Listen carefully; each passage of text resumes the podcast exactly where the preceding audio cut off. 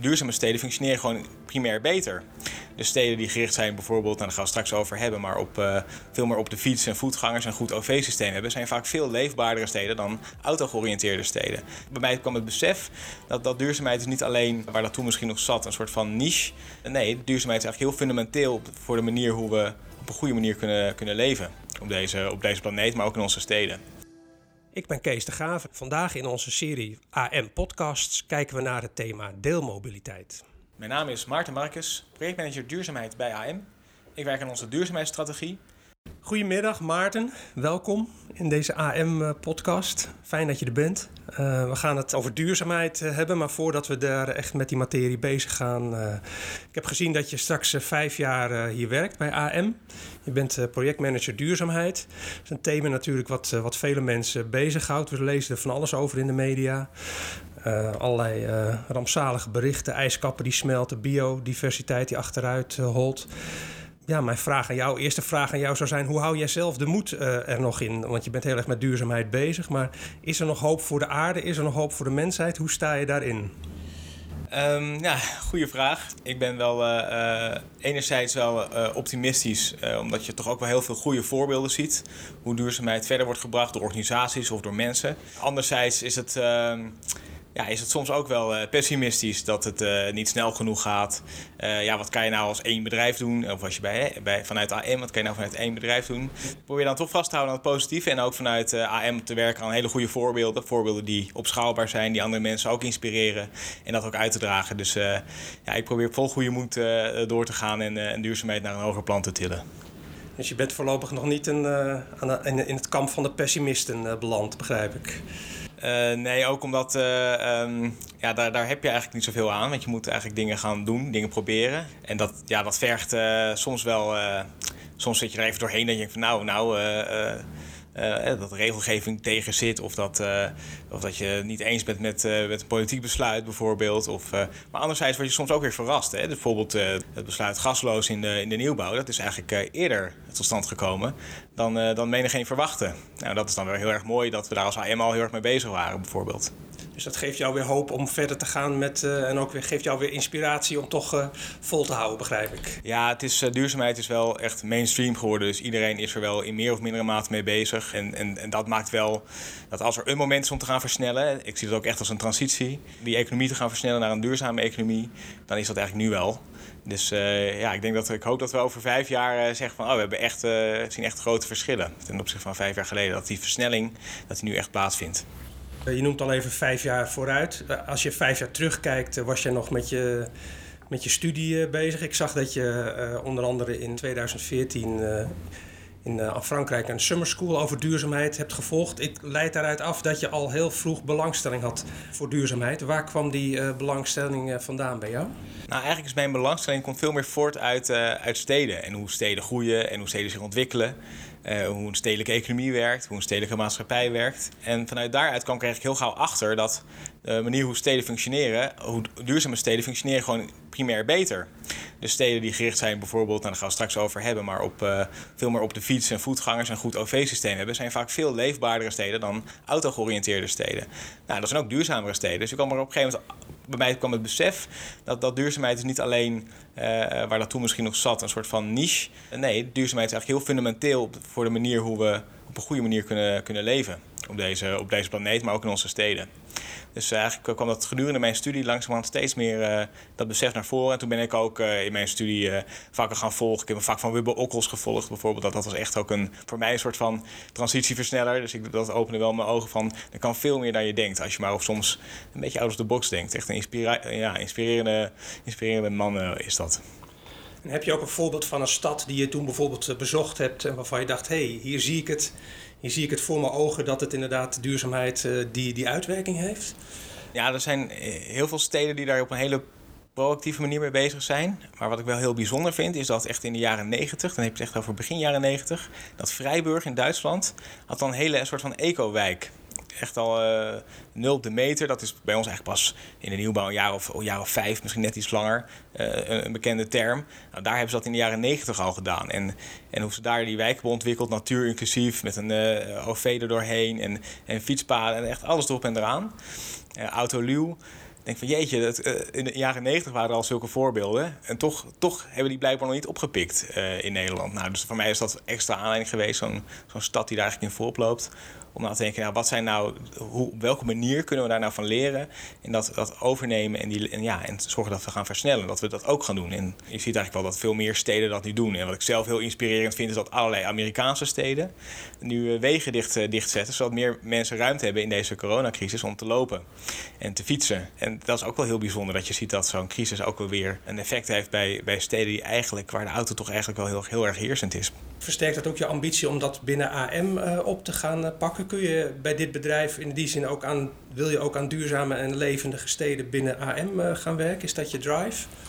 Ja, zeker. En ik vind zelf de gebiedsschaal heel, uh, een heel goed schaalniveau om op te werken. Want op gebouwniveau zijn, is die invloed toch uiteindelijk beperkt. Hè. Je kan er goed isoleren, je kan zonnepanelen plaatsen. Maar de meeste impact zit er eigenlijk in op, uh, op gebiedsniveau. Wat kan je daar nou doen? Heb je nog veel meer knoppen om aan te draaien. Zeker als het gaat om waterberging, dus klimaatadaptatie, mobiliteit. Um, ja, dat, dat, dat is een schaalniveau. Ook, ook het schaalniveau gebruiken voor duurzame energiesystemen. Dan kan je veel meer duurzame bronnen gebruiken als je een gebied tot je beschikking hebt dan alleen maar een, een woning of een gebouw. Dus die gebiedsschaal vind ik heel interessant. Ja, bij AM is een gebiedsontwikkelaar. Dus dat is natuurlijk een hele goede plek om daar, om daar invulling aan te geven. En om eerlijk te zijn, dacht ik na mijn studie, ik ga vast werken bij een adviesbureau op het gebied van duurzame steden. Of misschien bij een overheid, want eigenlijk elke gemeente en, een overheid heeft wel een team duurzaamheid. En ja, ik was dus wel heel erg blij eigenlijk en blij verrast dat, er, dat ik werd benaderd door AM om, om te solliciteren op de functie hier. Want uiteindelijk, ja, zal, het toch ook de marktpartijen die ook de projecten realiseren, zullen die het ook moeten gaan doen. Ja, terecht punt denk ik inderdaad dat het niet alleen aan de publieke kant vandaan moet komen, maar ook aan de private kant ingevuld moet, moet worden. jullie werken bij AM ook met duurzaamheid als een van jullie kernthema's. Het heet zelfs gedurfde duurzaamheid. Sinds 2017 werken jullie met dat thema. Heb jij daar ook nog een, de hand in gehad dat dat een van de kernthema's werd van het bedrijf? Of hoe ging dat in zijn werk? Nou, dat is een beetje organisch gegroeid. Toen ik in 2016 begon, toen was het vooral zaak om na de vorige crisis, de vastgoedcrisis, om te zorgen dat duurzaamheid weer, eh, eh dat we daar echt weer eh, in alle plannen dat terug ging komen. Dat we daar veel meer aandacht voor gingen hebben. Al die plannen gingen ook weer van de grond komen. Dus ik was vooral echt heel erg met, met soort van, ja, zorgen dat, dat die duurzaamheid er weer in die plannen zit. En gaandeweg kwamen er ook weer grotere ontwikkelingen tot stand. Eh, met veel meer schaal. En een daarvan is uh, Baaierskwartier in Amsterdam. Maar er zijn er veel meer. Uh, Schoenmakerplantage in Delft is ook zo'n wat grotere gebiedsontwikkeling. En daar dachten we van ja, hier gaan zoveel honderden, of misschien zelfs wel meer dan duizend woningen komen.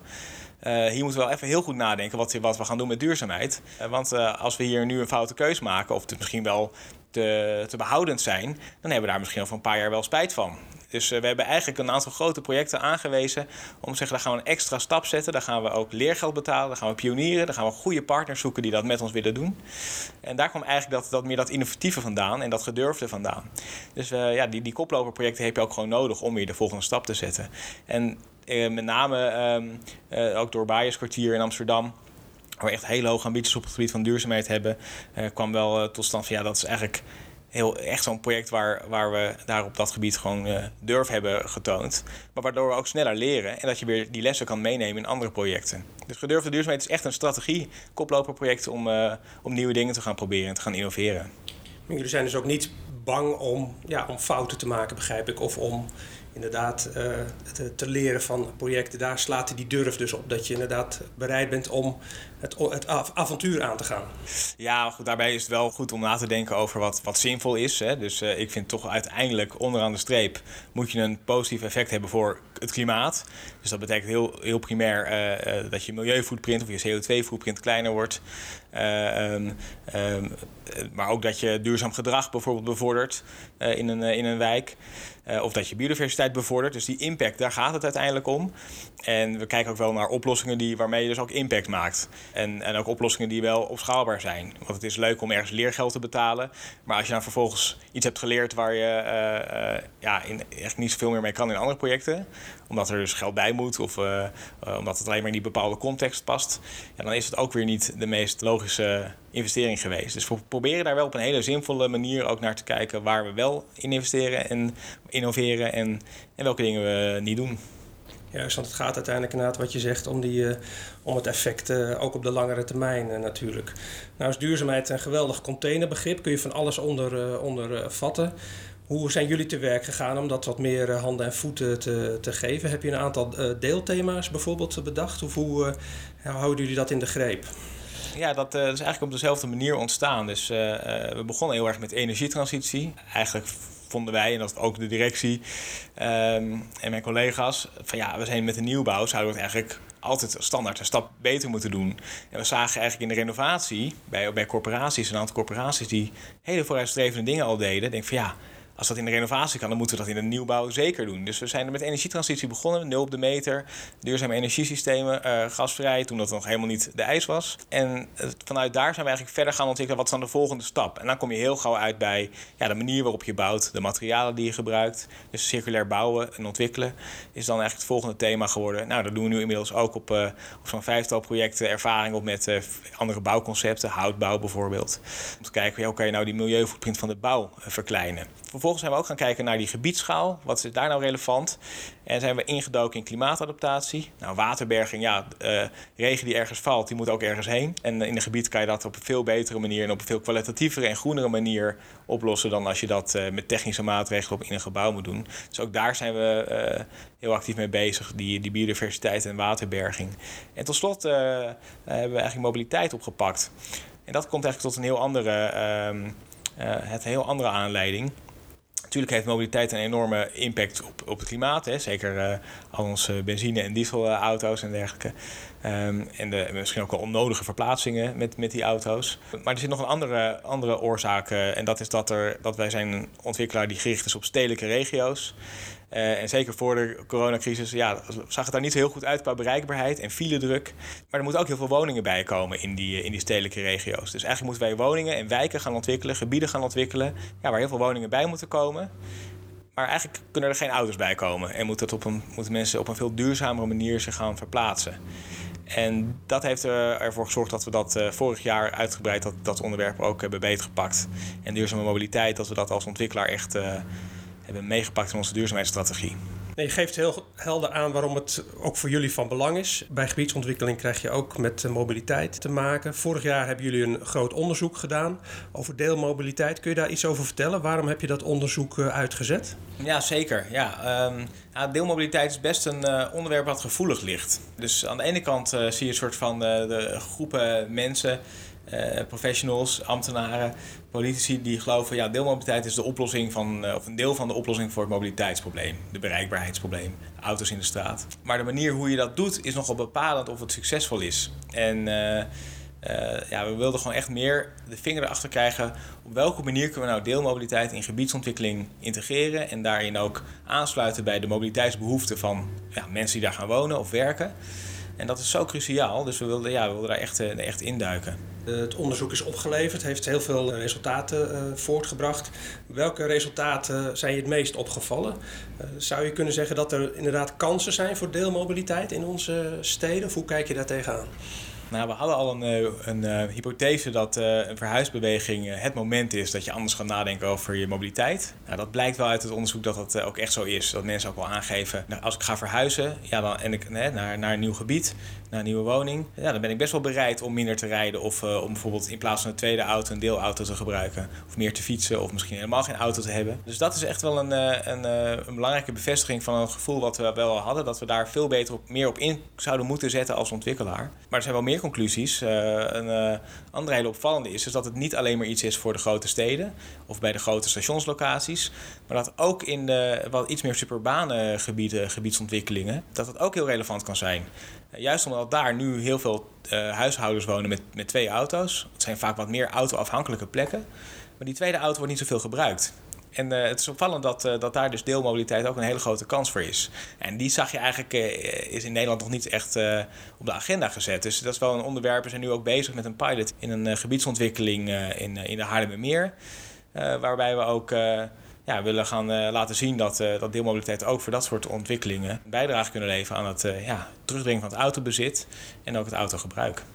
Ja, het is goed om te horen dat er inderdaad brede, brede kansen zijn om op een andere manier met die mobiliteit om te gaan. In dat onderzoek maken jullie een onderscheid tussen aan de ene kant de ruimtelijke kaders waar je mee te maken hebt bij deelmobiliteit. En de andere kant de wensen van de consument. Je, gaf er daar, je ging daar al even op, op in. Waarom is dat voor jullie belangrijk om, om ruimte en consumentenwensen om dat helder te scheiden? Nou, eigenlijk omdat als gebiedsontwikkelaar um, ben je aan de ene kant opdrachtgever voor, uh, voor, de, voor de stedenbouwkundigen, voor de landschapsarchitect, voor de architecten. Dus voor die ruimtelijke kaders. anderzijds ben je degene die een woning verkoopt aan de consument. Dus je hebt ook die relatie. Dus je hebt daarmee ook heel veel invloed.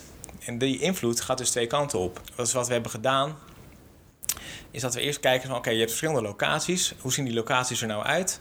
Uh, zijn ze goed bereikbaar? Zijn ze autoafhankelijk of niet? Wat voor beleid is er van de gemeente? Allemaal dingen waar je rekening mee moet houden. Maar vervolgens kan je ook binnen je gebiedsontwikkeling kijken. Hoe ga je dat nou vormgeven? Autoluw maken? Hoe ga je het parkeren vormgeven? Hoe, waar komt deelmobiliteit? Uh, hoe ga je om met fietsen en, uh, en, en, lopen in de wijk? Kan je aansluiten op OV? Is er, is er goed OV? En dat zijn allemaal knoppen, ruimtelijke knoppen, ontwerpknoppen eigenlijk. Waar wij als opdrachtgever op kunnen sturen richting, richting onze ontwerpers die we inhuren. Ja, dus dat is een hele belangrijke, belangrijke kant. En die consumentenkant is belangrijk omdat mobiliteit een gedragsvraagstuk is. Dus je kan het nog zo goed vormgeven in een wijk. Dat gaat ongetwijfeld wel effect hebben op hoe mensen zich bewegen in zo'n wijk. Uh, maar uiteindelijk uh, om een uh, gedragseffect, namelijk minder fossiel autogebruik, meer fietsen, OV en deelauto's, om dat teweeg te brengen. En dan moet je ook heel dicht tegen de, de behoeften en de, van, de, van de mensen aan zitten. En dat is echt, ja, gedrag is best complex.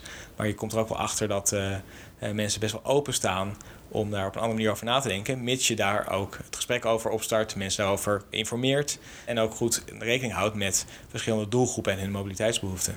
Ja, want zie je daar nog verschillen in tussen, tussen bepaalde groepen, doelgroepen die je al uh, noemde? Staan jongeren er bijvoorbeeld anders in dan, dan gezinnen of ouderen? Heb je daar, is daar een nuance in?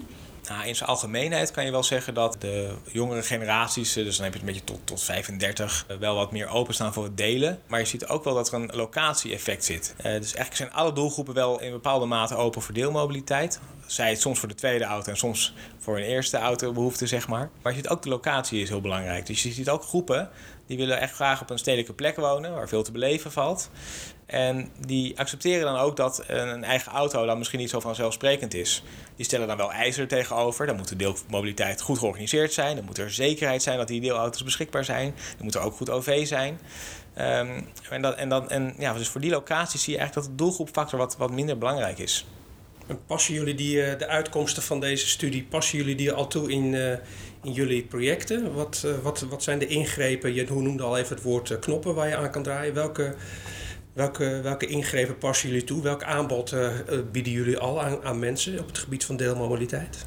Ja, in heel veel projecten hebben we nu uh, deelmobiliteit opgenomen. En we zijn ook al in een aantal projecten eigenlijk een soort van gaan pionieren. Dus echt met deelmobiliteit aan de slag. Met, met de eerste groepen bewoners van die in de eerste fase zijn gaan wonen. Of, van omwonenden van na, nabijgelegen buurten. En wat we, wat we daar zien, bijvoorbeeld in, in Delft, dat was onze eerste, eerste hub die live is gegaan.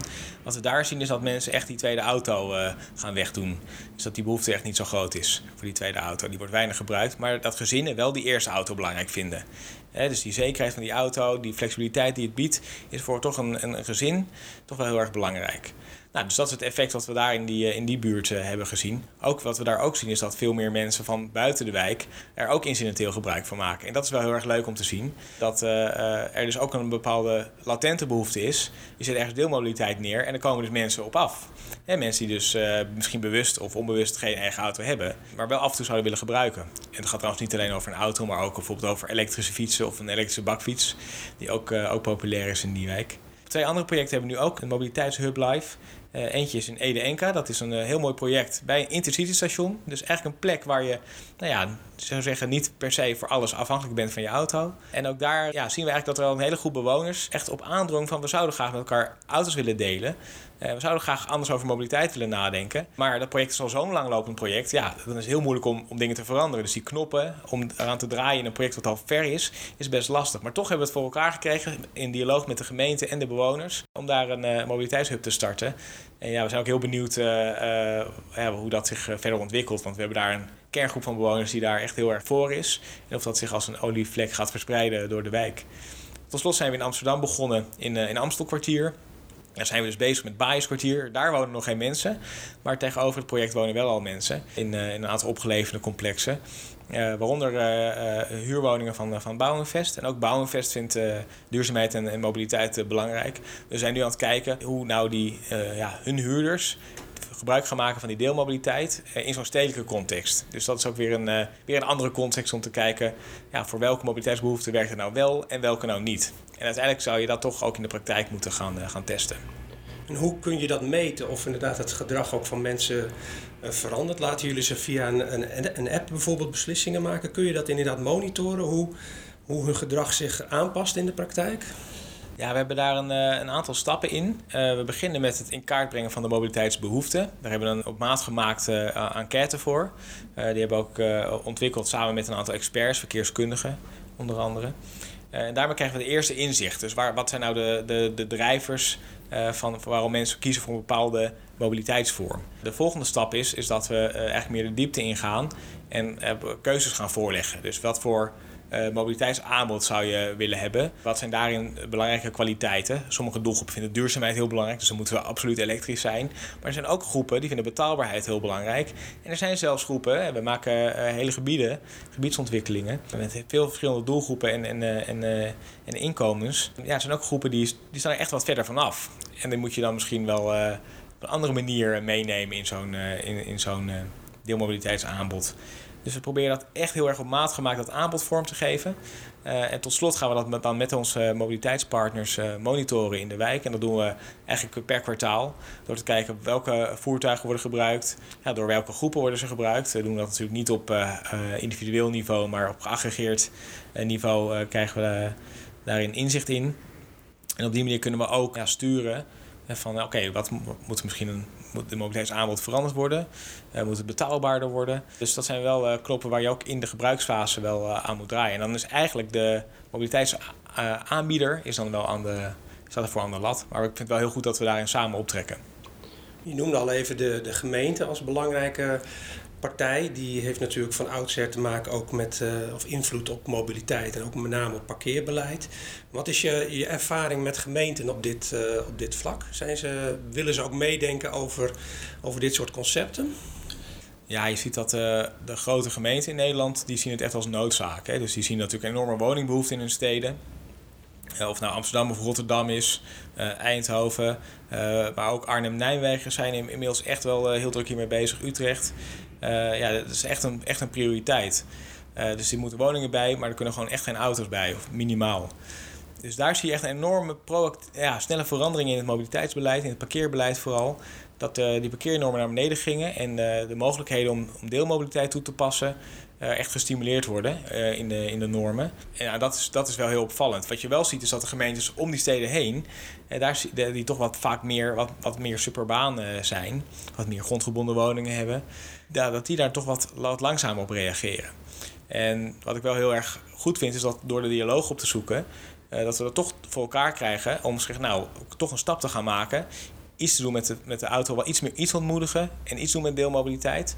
Dus je ziet wel dat de kennis vanuit grote steden die we daar opdoen, door die ja, mee te nemen naar de omliggende gemeenten waar we ook projecten doen, dat we ook daar wel uh, beweging zien. En ik vind het heel erg uh, mooi dat we ja, in dialoog met de gemeente Ede, toch ook in ons langlopende project Ede Enka nu met deelmobiliteit van de kant zijn. Dat zijn wel, denk ik, ja, uiteindelijk moet je het samen doen. Gemeente moet, heeft daar een belangrijke rol in, in hun beleid, in het faciliteren, in het mogelijk maken. Maar ja, als ontwikkelaar heb je er ook een rol in. Door het goed in te bedden in de ontwikkeling en de mensen die er gaan wonen, of al wonen zelfs in dit geval, daar ook in mee te nemen. Tot slot, um, zijn nou de, uh, uiteindelijk aan, onderaan de streep de, de voordelen van deelmobiliteit? We zijn natuurlijk vanuit duurzaamheid en ecologie en milieu begonnen. Zijn er ook voordelen in, heel praktisch dat er bijvoorbeeld minder parkeerplaatsen in, in, in de straat nodig zijn? Kan er meer ruimte komen voor groen, voor water? Hoe, uh, hoe zie je dat? Ja, dat is echt de, de, de winst van, van, van deelmobiliteit zit echt aan heel veel kanten. Ik vind het wel mooi dat we ook in gebiedsontwikkelingen zo inderdaad ook een enorme opgave hebben. Hoe ga je om met waterberging en met groen in de wijk en biodiversiteit. En ja, door minder parkeerplaatsen te maken heb je veel meer ruimte tot je beschikking om daar invulling aan te geven. Maar ook om met bewoners daar invulling aan te geven. dus die hebben ook ruimte om gewoon mee te denken over, nou, moet er een speeltuin komen of iets anders. Dus, dus die ruimtebeslag speelt zeker een hele belangrijke rol. En dat is in gemeenten met, waar die ruimte het meest schaars is. Ja, daar zie je ook dat, dat deelmobiliteit daarin ook als belangrijkste kans wordt gezien. Dus dat scheelt daarin zeker voor. Maar ook voor de leefbaarheid van een wijk. Want hoe minder auto's er door de wijk rijden, hoe meer je autoluwe straten kan maken, ja, hoe, hoe fijner het eigenlijk is om daar te wonen en om daar te leven. En hoe gezonder de wijk eigenlijk is. Dus ook op dat vlak zien we dat eigenlijk wijken die, die wat autoluw zijn en, uh, minder autobezit kennen, eigenlijk leefbaardere en betere wijken zijn. En dat is ook waar we voor staan als AM. Hè. Dus dat vind ik ook wel mooi. Dat we willen inspirerende en duurzame leefomgevingen maken. Ja, dat zijn eigenlijk leefomgevingen waar de auto eigenlijk een, een, beetje op de achtergrond staat. Nou, Maarten, heel hartelijk bedankt voor je enthousiaste verhaal. En uh, ik wens je veel succes met al jullie mooie projecten op het gebied van duurzaamheid. En ik hoop dat het inderdaad uh, bij gaat dragen om, uh, om deze planeet nog verder leefbaarder weer te maken. Dankjewel. Geen dank.